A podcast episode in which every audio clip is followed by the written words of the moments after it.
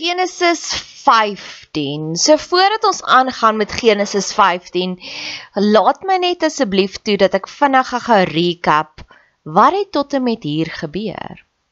Onthou jy so so 'n paar boodskappe terug het ons gesels oor hoe Abraham vir Lot verlos het. En ek het nogals lank gaan stil staan by hierdie oomblik was Lot cute of oulik of super geestelik of baie godsdienstig of baie dweeperig of het hy dit verdien om verlos te word? Hy was eintlik 'n klein moeilikheidmakertjie vir Abraham. Maar God het vir Lot verlos omdat hy geweet het dat Abraham, dis my teorie, dis my interpretasie, sou bekommerd gewees het oor Lot. En weet jy wat? Ek het baie parasiete in my lewe, mense wat net van my steel en steel. Ek het oor die naweek weer of nie weer nie vir die eerste keer die Tinder swindler gekyk.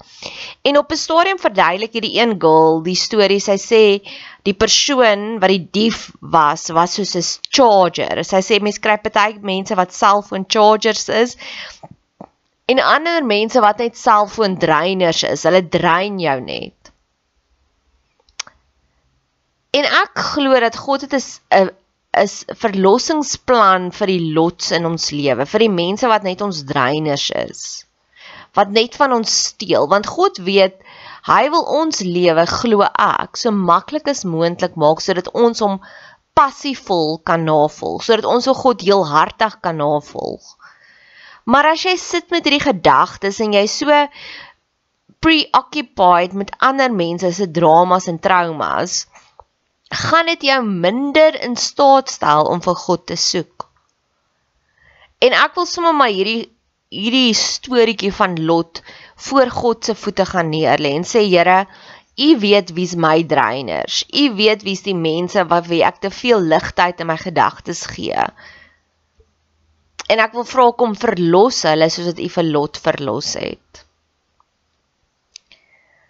As jy nog meer gebedsinspirasie nodig het, ek sal die fotootjie onder sit. Het ek nou onlangs die film Argo gekyk waar dit 'n briljante verlossingsplan is van hoe hulle mense in Iran Amerikaanse burgers, ek dink dit was Amerikaners, se burgers gaan verlos het met om te hierdie hele storie te maak van hulle is hierdie filmkrew en hulle gaan hierdie mense hier uitkry.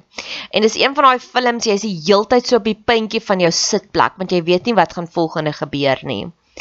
En ek het dadelik net nadat ek daai film gaan gekyk het, het ek dadelik daaroor begin bid om te sê Here, ek weet het meer radikale en unieke verlossingsplanne vir ons keer op keer sal ek sê dis 'n bed al oomblik. Dis 'n God is in hierdie plek oomblik want ek sal 'n film kyk en dit sal my dadelik inspireer om dit te bid oor my lewe soos die film Argo.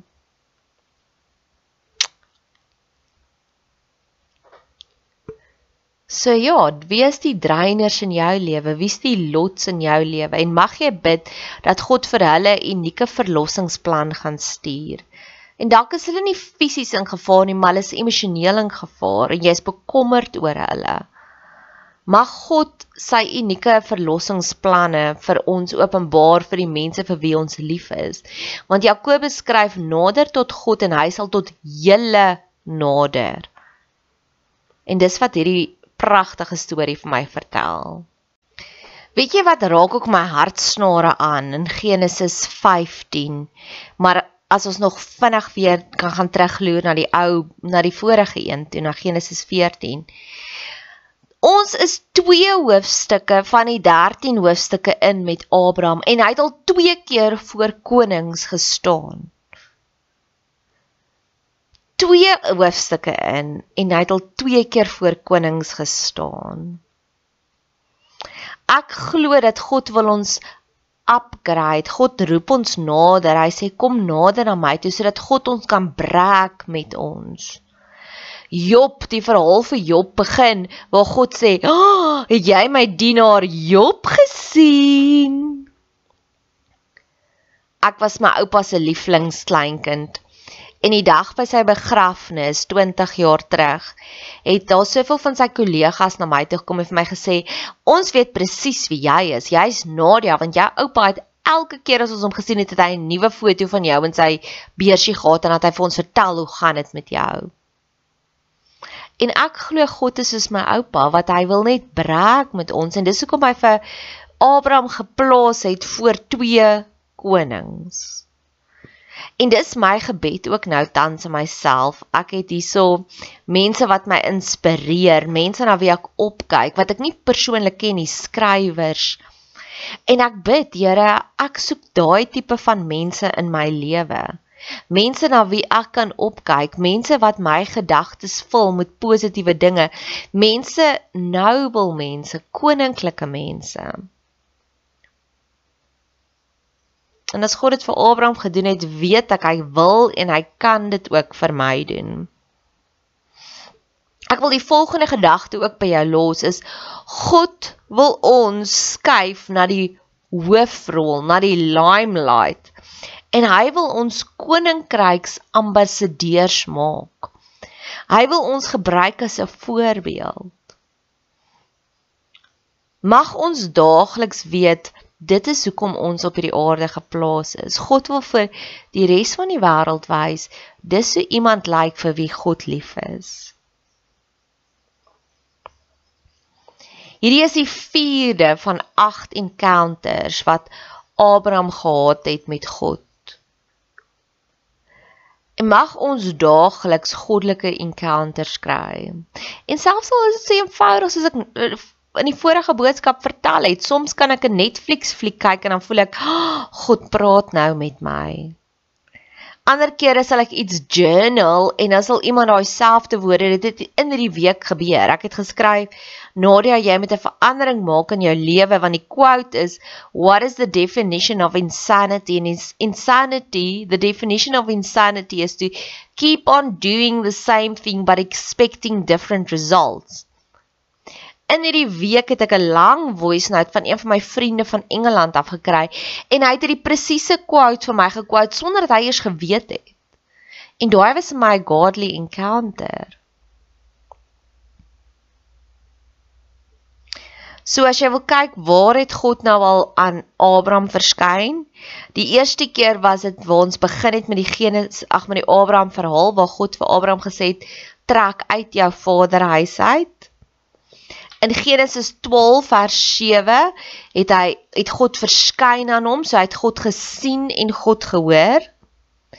Nadat Lot van hom geskei is, het God weer aan hom verskyn en vir hom gesê: "Ek gaan jou nageslag so groot maak soos wat was dit die stof van die aarde." En hierdie keer waar ons vandag is, is Genesis 15 het God aan hom verskyn. Hy het vir hom 'n visie gegee. Met ander woorde, God het soos 'n film voor Abraham uitgespeel. Nê? Nee? God wil vir ons films maak van hom.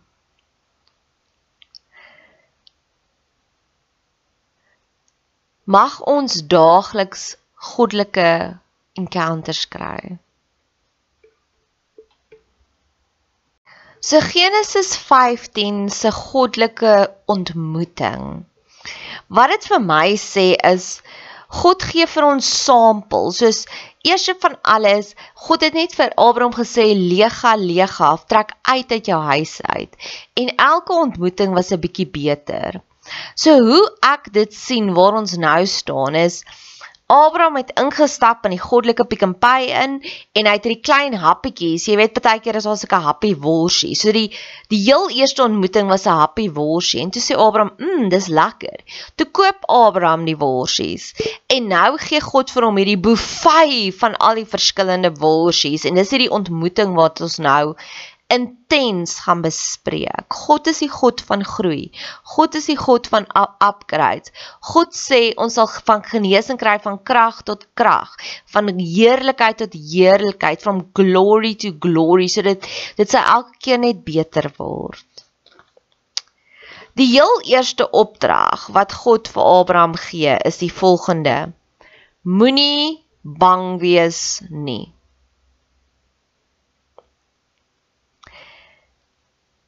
Ek beoog om binnekort 'n boek te skryf juis oor vrees en wat doen vrees aan ons.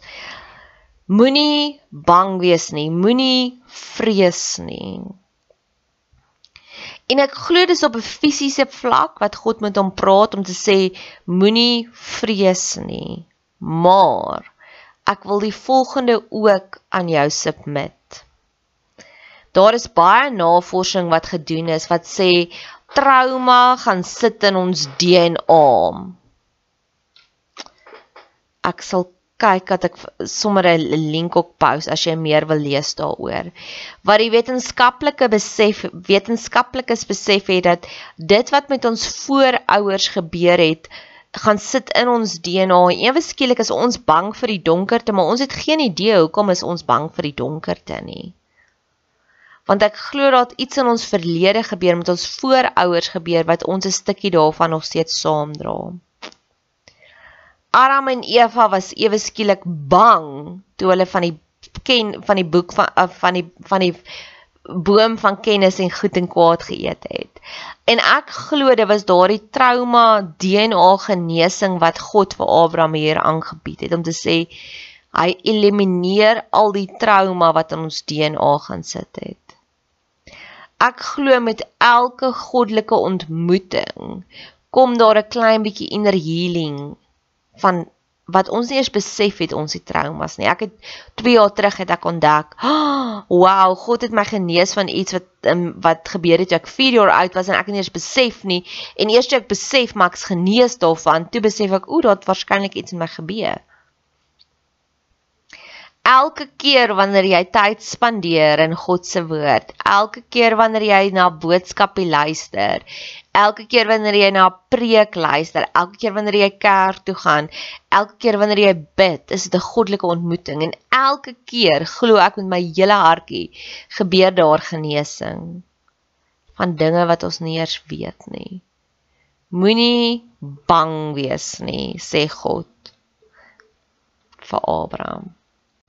God sê vir Abraham, hy is God, God is sy skild uh Genesis 15 vers 1 ek is vir jou 'n skild. Hy's 'n shield vir ons. Die regte Hebreëse woord as jy dit gaan gaan navors is dit so goed soos 'n arend wat haar vlerke sprei bo oor haar kuikens. God is ons shield. Wanneer ek deur 'n baie brose tyd gaan, sal ek gewoonlik sê, Here, sit my asseblief in u bubble wrap. Laat ek niks seer kry nie, dat ek nie breek nie. So God is ons bubble wrap. Ek is baie geseënd om in 'n baie veilige sekuriteitslandgoed te bly en daar's verskeie sekuriteitsboodskapies en WhatsApp groepies wat vertel Ja, ons heining is reg, daar is kameras daar, die wagte patrolleer dit. Hier is een van die plekke in die wêreld waar ek die veiligste voel. Wanneer ek iemand nie onthaal dan sê ek vir hulle met 'n groot glimlag, jy hoef nie 'n motor te sluit nie. Hier is een van die veiligste plekke in die in die stad. En daai veiligheid wil God vir ons elke dag gee. God is ons shield.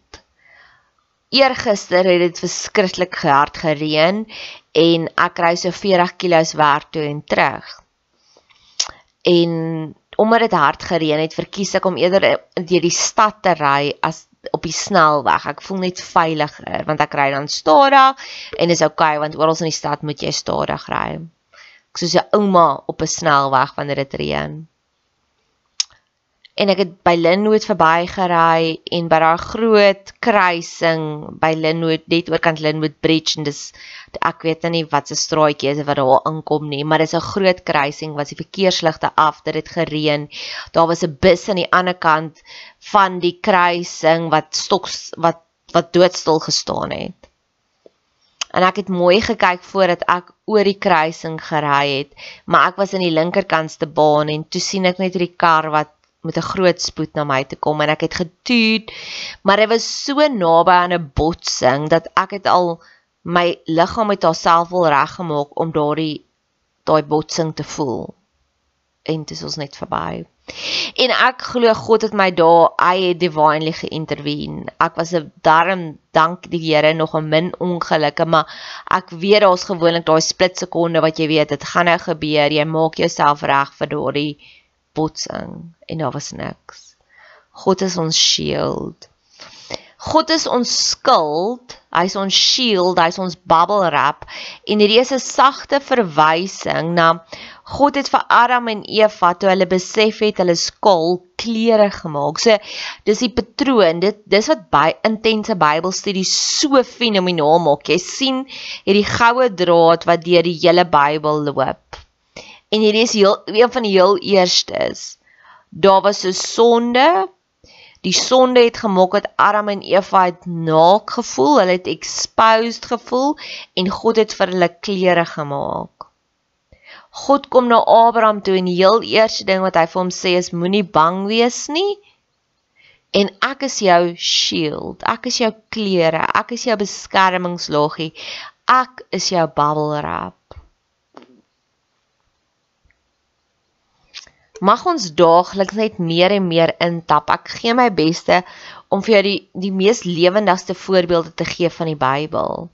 Want dis hoe ek 'n verhouding opgebou het met die Here. Ek sal iets raak lees en dan wanneer ek dit sien manifesteer, dan maak ek 'n video daarvan. Dan is dit asof God deel dit vir my bevestigings en herhalings gee. Soos daar's hierdie belofte in in Jesaja, Jesaja wat hy sê van hy wil vir ons die best of the best tafel voorberei. En keer op keer wanneer ek by plekke kom en dis die beste van die beste, dan maak ek 'n video en dan sê ek Here, dis wat ek wil hê van U af of as ek in 'n lekker goed winkel instap, daar's so die mooi een in Kolonade en dan maak ek 'n video want dan voel dit, "Ag, oh, Here, ek wil daagliks so in U lekkerte instap." God is ons bubble wrap. God is ons shield. God is ons veiligheidslandgoed, sekuriteitslandgoed. Ek wil nog iets bylas met God is ons shield, God is ons bubble wrap. God is ons sambreel, nê? Nee? God wil oor ons skaduwee vorm dat ons nie warm kry in die son nie, dat ons nie verbrand in die son nie. So dink aan al die dinge wat rondom jou kan wees, 'n gazebo op 'n strand, dat daar nie wind is nie en dat daar nie son is nie. Dis wat God vir jou wil wees. Verder sê God vir Abraham, hy wil Abraham se beloning wees. God wil ons great reward wees. En as jy so 'n bietjie gaan teruggaan, soos ek gesê het in die inleiding, ek beveel aan jy lees eers die hoofstuk deur. Net voordat God hierdie verskyning gemaak het, het hierdie koning van Sodom na Abraham toe gegaan en gesê: "Abraham, ek wil jou betaal." En toe sê Abraham: "Aa, uh -uh, nee, dankie." En God kom terug en hy sê: "Abraham, ek wil jou beloning wees." Ek wil graag hê ons moet stil staan by daardie punt van elke keer wanneer ons sê nee dankie vir iets wêrelds glo ek in die volgende asem sal God terugkom en hy sal vir ons 'n groter beloning gee daarvoor.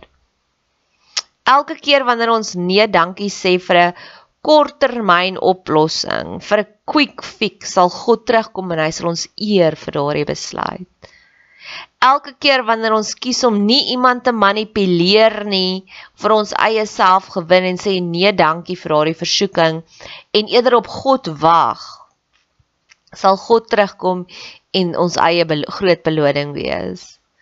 Ek het gister 'n intense gesprek gehad met iemand en ek het vir hom gesê ek glo nie daaraan om mense te manipuleer om in 'n verhouding te wees met my nie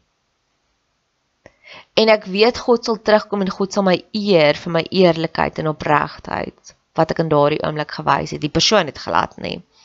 Mag God saam. God wil ons groot beloning wees. Daar's hierdie belofte in Prediker wat wat hy sê is blydskap kom van die Here af. En ek het dit al keer op keer gesien waar mense het alles wat hulle nodig het, nogtans nitpiek hulle, nogtans geniet hulle dit nie. En dan het ek al weer ander mense gesien wat byna niks het in die wêreld nie en hulle geniet alles. En ek dink ook dis wat God beloof om te sê hy wil ons beloning wees. Hy wil vir ons daardie joy gee. En ek dink dis wat dit beteken wanneer God sê hy wil ons beloning wees. Ek moet sê hierdie hierdie stukkie glo ek is een van daardie stukkies wat the gift that keeps on giving. Ek het dit nog nie heeltemal ontsyfer nie. Dis twee storieetjies wat ek nou met jou gedeel het van God wil ons beloning wees. Maar ek dink daar's soveel meer. Ek dink ek krap net nou op die oppervlakte en dalk sal ek nog later 'n pot gooi daaroor maak. En inteendeel, ek loop en broei na al met hierdie gedagte vir waarskynlik vir 'n week lank wat ek vir die Here sê, wys my Here, wys my wat beteken dit dat U is ons beloning. Want ek dink daar's soveel meer in die feit dat God vir ons beloof hy wil ons beloning wees. Na al die beloftes van God wil ons bubble wrap wees, God wil ons beloning wees. Hoe het Abraham gereageer? Die Bybel sê Abraham het hom geglo en hy het in die Here geglo vers 6. Daai woordjie in Hebreëus beteken om 'n surrogaat moeder te wees, om 'n saadjie te wees en 'n saadjie te vertroetel. So daagliks glo ek God gee vir ons beloftes en hy kyk wat gaan jy doen met hierdie belofte? Gaan jy hom vertroetel? Gaan jy die surrogaat moeder wees? Gaan jy hierdie saadjie laat groei of gaan jy die saadjie in die toilet weggooi? En hoe vertroetel ons saadjies? Hoe neem ons hierdie ter harte? Ek het nou nou al gesê in die vorige boodskap dat ek maak 'n video, ek neem 'n foto. Dis vir my om 'n altaar te bou daar, om 'n oomblik te vat om te pause om dit in te neem. Maar dit het heel eers te begin waar ek God se beloftes gaan journal het en ek sal weer eens 'n foto daarvan stuur. Hierdie het my vriendin vir my deurgestuur net voor die 2020 lockdown het sy vir my hierdie belofte deurgestuur van Psalm 31 vers 7 I will be glad and rejoice in thy mercy for thou hast considered my trouble. Thou hast known my soul in adversities. En ek het dit gaan journal en dit gaan inkleer ek het seker 'n uur spandeer net om hierdie een belofte vir myself mooi te maak So hoe neem jy iets ter harte? Hoe onthou jy iets? Baie kere wanneer iemand vir my 'n mooi kompliment stuur, sal ek dit print op WhatsApp, sal ek dit print en dit gaan plak in my journal dat ek weer kan teruggaan daarheen. Hierdie is 'n shout out vir twee van my luisteraars wat op hier vanoggend gereageer het en vir my die mooiste boodskapies gestuur het oor hierdie Genesis boodskapies. En ek doen dit nie vir responses nie. Ek doen dit want dit dit raak te veel om dit binne my te hou, maar nogtans is sulke oomblikke vir my gorgeous. En dit was so op die perfekte tyd. Julle sal weet wie julle is. Dit was vandag se boodskap oor ek ek het die boodskapie uitgestuur van die begin van Genesis 6 en die honey trap dalk is jou talente honey honey trap en twee mense se harte is aangeraak en hulle het vir my boodskapies gestuur en dis vir my kosbaar En die volgende belofte wat uitkom uit hierdie hoofstuk is God het 'n verbond gesluit met Abraham.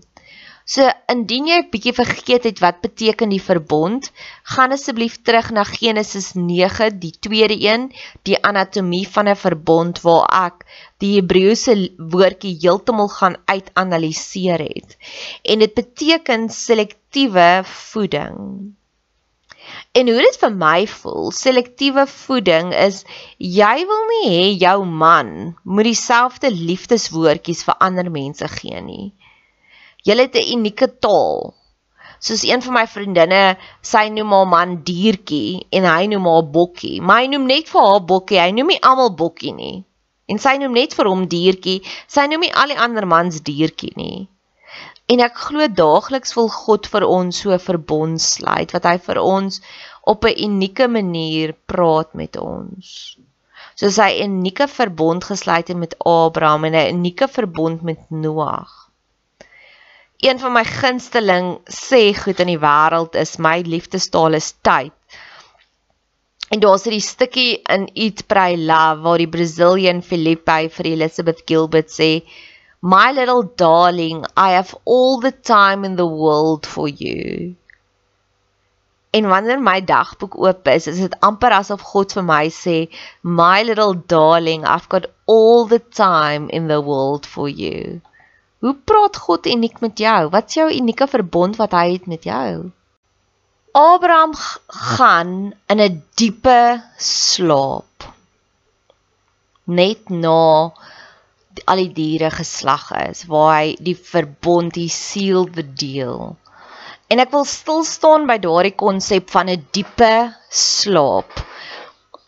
Abel, ag nee Abel nie, Adam was ook in 'n diepe slaap toe God die rib verwyder het. So daar het ons gesels en gesê baie keer wanneer ons deur 'n groot trauma werk, sal God maak dit ons amper soos 'n geestelike um, wat noem mens dit ag narkose kry, 'n geestelike narkose kry dat ons nie besef dit is die groot trauma waardeur ons gaan nie. Maar hierdie waar Abraham deur 'n diepe slaap gegaan het.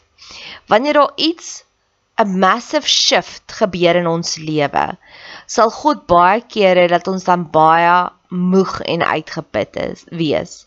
Nadat Elia die Baal profete oorwin het en Jezebel oorwin het, het hy ook in 'n diepe slaap gaan. Hy was moeg en uitgeput na die tyd ek het dit al keer op keer beleef. Ons energievlakke is 'n direkte korrelasie met wat aangaan in ons geestelike riem.